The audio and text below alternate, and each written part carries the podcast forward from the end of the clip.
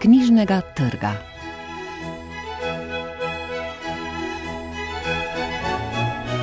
Dober dan.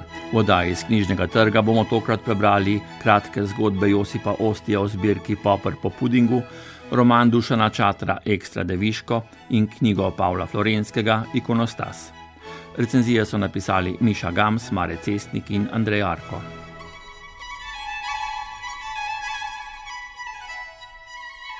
Josip Osti, pesnik, pisatelj in esejist iz Sarajeva, ki že več kot 30 let živi v Sloveniji, je izdal okrog 20 pesniških zbirk, 5 proznih del in 14 esejistično-kritiških knjig, ter uredil številne antologije. Prevedel je 90 knjig in prijel številne literarne nagrade, med njimi Vilenico ter Veronikino Župančičovo in Jenkovo nagrado. Njegova literatura večinoma temelji na zunanjih dogodkih in osebnih izkušnjah in doživljanju, in takšna je tudi zbirka 66 kratkih zgodb Popr po pudingu. Izdala jo je založba Pivec, ocenjujejo Miša Gams. V zbirki kratkih zgodb Josipa Ostija Popr po pudingu, med katerimi so nekatere zgodbe tako kratke, da vsebujejo le poved ali celo samo dve besedi, lahko razberemo cel spektr najrazličnejših občutij, od tistih najslajših do najbolj grenkih. Naslov zbirke je več kot ustrezen, saj zgodbe, v katerih pisatelj večinoma obuja spomine na otroštvo in mladost v Sarajevu, poleg avtorjeve značilne duhovitosti preveva pikar priokus vojne, bolečine, nemoči in umiranja. Med njimi so tudi precej bizarne zgodbe, kot je naprimer Gugalnica, v kateri protagonist sreča polovico ženske in ga ta prosi, da bi imel z njo spolni odnos, ter jo po njem odložil na tla. Ali pa zgodba Živalsko kraljestvo, v kateri se avtor spominja otroških let, ko je pobruhal album s sličicami nogometašev in jih z umivanjem še dodatno uničil. Zbirka Popper po pudingu je ena ostjevih najbolj autobiografskih knjig, v njej pa avtor brez olepševanja opisuje zmote in anekdote, ki so nastale ob raznih nesporazumih, domiselnih poskusih prelisičenja državnih organov in iskanja ustreznih življenjskih rešitev po liniji najmanjšega odpora. Pogosti so dramaturški obrati, ko se zgodba nenadoma povsem zasuče, da še tako pripravljen bralec ostane brez sape. Tako v zgodbi Lopata protagonist odkida napačen avto in v jezi pomotoma odvrže lopato naravnost na svoj avto.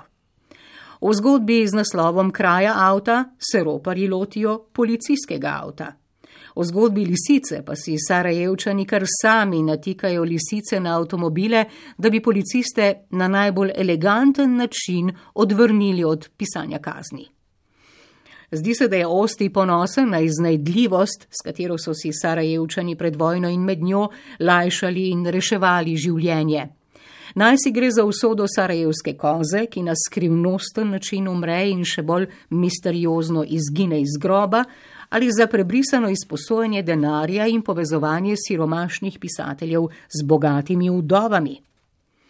Po drugi strani pa se v teh tako imenovanih sarajevskih zgodbah z nelagodjem spominja sprehodov po povojnem Sarajevu, med katerimi je srečeval znance, ki so na okupatorjevi strani streljali na lastno mesto in se kasneje vedli, kot da niso naredili nič spornega v zgodbi prvič in drugič žalostno zapiše. Tudi takšna dejanja, kot so jih izvajali oblegovalci in uničevalci Sarajeva, se morda lahko, čeprav težko, odpustijo, nikoli pa se ne pozabijo. V zgodbah, kot so zgodovinski obrat, neposneti film in igra, ki žal ni doživela krsne izvedbe, se Osti posveča svojim neuresničenim pisateljskim, gledališkim in filmskim projektom, ki so bili idejno zasnovani v skladu s postmodernističnim duhom časa, v katerem je odraščal, a za njih kot avtor nikoli ni imel dovolj časa ali poguma.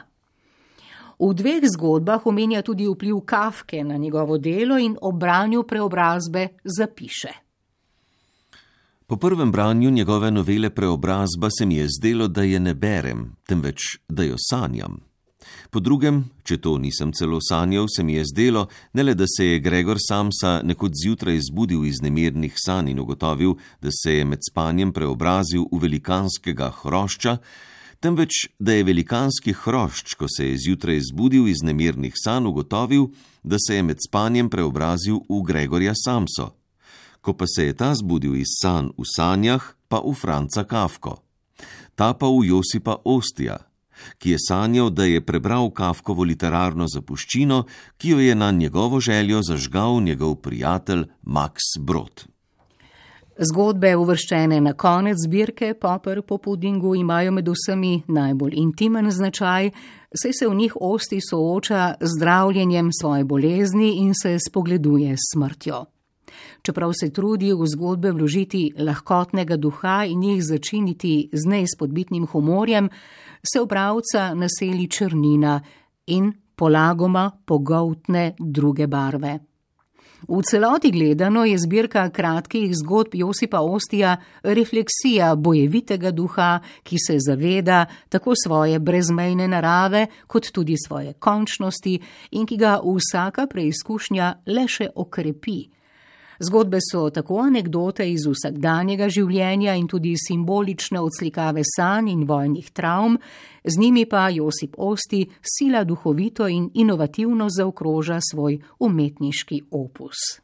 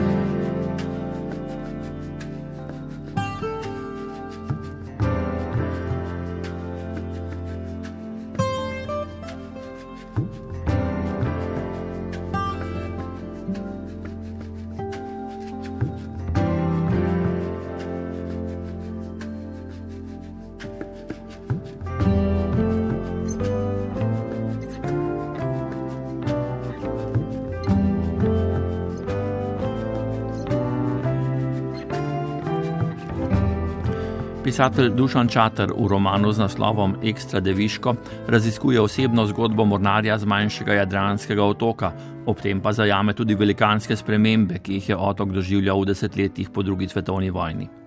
Roman je izdala založba Beletrina, ocenjuje ga Mare Cestnik.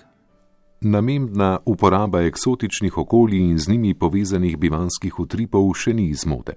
V iskanju literarnih potiskov se tak izziv kljub obrabi in zlorabi tudi ne more izrabiti. V romanu Ekstra deviško se Dušan Čater ni pognal daleč ne v smislu kraja dogajanja, ne v pisateljski inovativnosti. Neimenovan Jadranski otok in umetno zamreženo zgodbarstvo, ki gladko namiguje na pisanje na akord v dokaj po preproščenem in površnem jeziku, s pogosto mučno razvlečenostjo, z mnogokrat neživimi dialogi in stereotipnimi karakterizacijami. Roman bi bilo mogoče skrajšati na polovico natisnjenega obsega morda bi s tem bolj prišla do izraza zanimiva pripovedna, fabulativna troplastnost, a bi, žal, kljub temu ostala prisiljena in puščala prazen prostor, v katerem bralec za manj išče istovetenje ali vsaj sodoživljanje. Mladostnik iz Ljubljane, odkot drugotle, se z materjo vrne na otok pridnikov na pogreb in k zapuščini starega očeta da so s tem povezane skrivnosti in da se bodo te skrivnosti srečno razpletle, je bravcu jasno vnaprej. Čeprav je mladi Maj neverjetno zrel in preudaren in tako rekoče vedno v pravem položaju, ter je kljub stereotipnim družinskim in ljubezenskim ozadjem vezni lik besedila, je poglavitna fabulativna teža prihranjena njegovemu dedu, Franetu Barbaroši Fant namreč odkrije pokojnikov dnevnik in ga seveda prebere. Pisec je močan v slikanju otoka, jadranskega melosa in družbeno-zgodovinskih sprememb od konca druge svetovne vojne do danes, ter posrečeno obdeluje nekatere otočane, vendar je dnevnik starega očeta predstava, ki nikakor ne podpira lika ljubezenskega razočaranca, pomorščaka in čudaškega povratnika. Zapiski z njegove zadnje plovbe, ki je, mimo grede rečeno, opisana klišejsko in povsem nepoznavalsko, je pisec romana predstavil fabulativno srž, ki ni namenil ne vidika mogočega, ne nikakršne slogovne iznajdljivosti. Kljub osrednjosti tujek, neizobražen, preprost pomorščak ob svoji ladijski službi, v treh mesecih in pol napiše pravi pravcati, privlačno berljiv roman. Prosim? Ampak takšna so pota, ki sledijo vse bolj pogrošno zahtevnemu okusu dan današnjega bravca. K temu seveda sodi srečen konec, domala pravličen, moralno neoporečen, vsaj za vrlega fanta iz Ljubljane. Vsekakor je treba priznati, da Čater dobro pozna in razume mladostnike, kar pač tudi pomeni, da je njegovo pisanje čtivo prav za generacijo, ki je prek digitalnih pomagal vse bolj skušana verjeti, da skrivnosti ni več in da so življenjske zgodbe kompaktne in enoznačne, kot kak amaterski dokumentarec na YouTubu.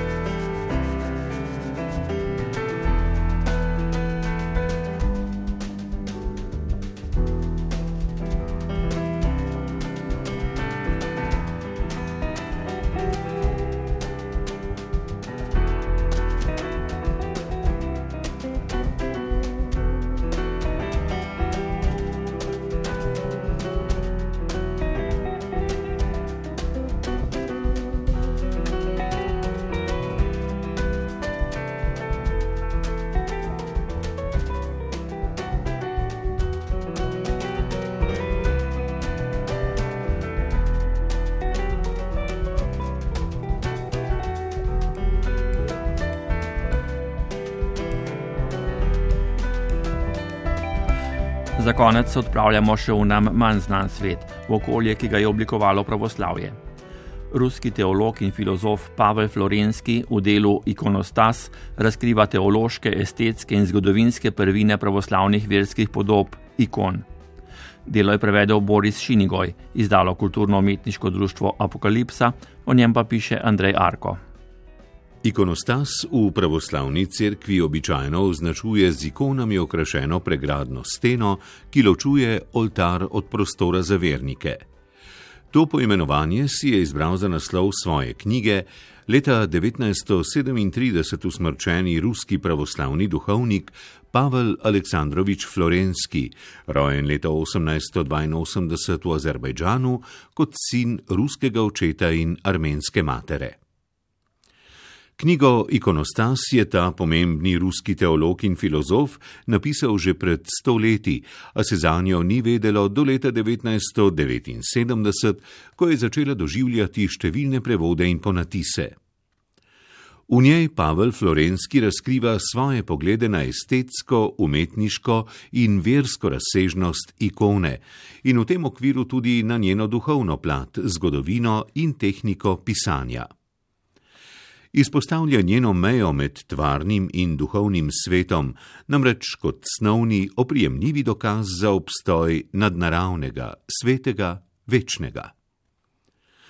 Pomislili bi, da se mož, ki je po osnovni izobrazbi matematik in fizik in ki je celo služboval kot elektroinženir, se pravi človek povsem konkretnih stvarnih usmeritev in delovanja, ne bo s tako zagnanostjo in pronicljivostjo spuščal v duhovne sfere a ta uvid mu je dal poznejši študij teologije, filozofije, upodabljajoče umetnosti in književnosti, ko je postal pravoslavni duhovnik. Pojav, da se naravoslovci usmerijo v bogoslovne študije, sicer v svetu sploh ni redek. Na vse zadnje imamo tudi pri nas nekatere duhovnike, ki so po osnovni izobrazbi inženirji. Inženirja imamo celo med škofi. Lahko bi se torej reklo, da je Pavel Florenski naredil korak iz fizike v metafiziko, namreč v tisti njen del, ki je naravna teologija kot znanost o Bogu, kakršna se kaže s pomočjo raziskovanja in preučevanja narave. Vendar je Florenski stopil še dlje, v območje razodete teologije, ki izhaja iz svetega pisma. Po njegovem sta edino, kar nam je usvojeno, čas in prostor, kaj ti ne varata. Drugo pa je izgrajevanje osebnosti, umetnost klesanja in kovanja posameznika, ali, kakor je zapisal Simon Gregorčič, nekoliko starejši sodobnik florenskega, usode ni, usoda tvoja, to si ti. Zanimiva in na prvi pogled morda vprašljiva je piščeva teza, da naj bi bilo zahodno nabožno slikarstvo od renesanse naprej v celoti umetniška neresnica. Medtem ko da je ikonopisje zapisovanje nebeških podob na deski, ki napravljajo videnja splošno dostopna. Ikonopisci so torej pričevalci pričevalcev, ker namreč v ikonopisnih podobah zremo v obličja svetih, v njih pa v Boga samega. Tako ikona poraja razodetje, omogoča stik z duhovnim svetom, z duhovno resničnostjo. Ikonostas je potem takem videnje, so sveta bitja sama. Pavel Florenski se loteva tudi tehnične plati ikonopisja, ki ga ima kot rečeno za metafiziko biti, se pravi za konkretno metafiziko, ki da je nazorno razodetje metafizične bitnosti tega, kar upodablja. Drugače pa naj bi bilo po njegovem mnenju z zolnim slikarstvom v katoliškem okolju po srednjem veku, čež da to posreduje čutno danost sveta, medtem ko naj bi gravura, doma predvsem na protestantskih tleh, podajala njegovo razumsko schemo. Morda je v takšnem nekoliko odklonilnem gledanju na nabožno upodabljajočo umetnost zahodnega sveta po vzhodno-zahodnem razkolu videti tudi dejstvo, da je bil ekumenizem v času nastanka te knjige šele v povojih, pa še to bolj med protestanti. Ni prav lahko sprejeti teze, da naj bi bili ikonopisci pri svojem delu popolni, skratka sveti, torej ne le nezmotljivi, ampak malo ne poveličani. Če je torej Pavla Florenskega prav razumeti, so umetniki ikonopisja po prepričanju lahko le svetniki, kajti pisanje ikon je povezano z zmernostjo in skromnostjo v življenju ikonopisca, z askezo in molitvijo. Ob tem navaja pomembne ruske ikonopisce in tiste umetnike, ki so ustvarjali na ruskih tleh, med njimi seveda najbolj splošno znanega prečastitega očeta Andreja Radonešskega, imenovanega Rubljov, ki je napisal številne čudodelne ikone in ki mu je slavo dodal še znameniti film Andreja Tarkovskega. Posnetek njegove ikone Sveta Trojica je tudi na naslovnici knjige. Knjiga Ikonostas ima sedem razdelkov, bogatijo spremna beseda prevajalca Borisa Šinigoja, dodane pa so izčrpne opombe, ki se nanašajo na samo besedilo pisca in nekaj jih je namenjenih še spremni besedi. Ta je hkrati tudi izbrana pripoved o njegovem duhovnem izkustvu ob seznanjanju s svetimi podobami in njihovem doživljanju. Boris Šinigoj je prispeval komentar še k prevodu te knjige, a je že iz njenega besedila, vsebojočega številne izraze s pretanjenim, izostrenim pomenom, jasno, da je opravil dokaj zahtevno delo, ki razoteva prevajalčevo obsežno znanje.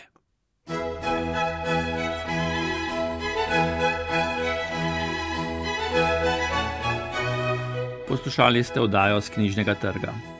Recenzije Miše Gams, Mareta Cestnika in Andreja Arka so prebrali Lidija Hartmann in Matjaš Romih, Aleksandr Golja in Jure Franko. Glasbo je zbral Marko Šetinc, oddajo je posnel Vladimir Jovanovič, uredil sem jo Vlado Motnikar.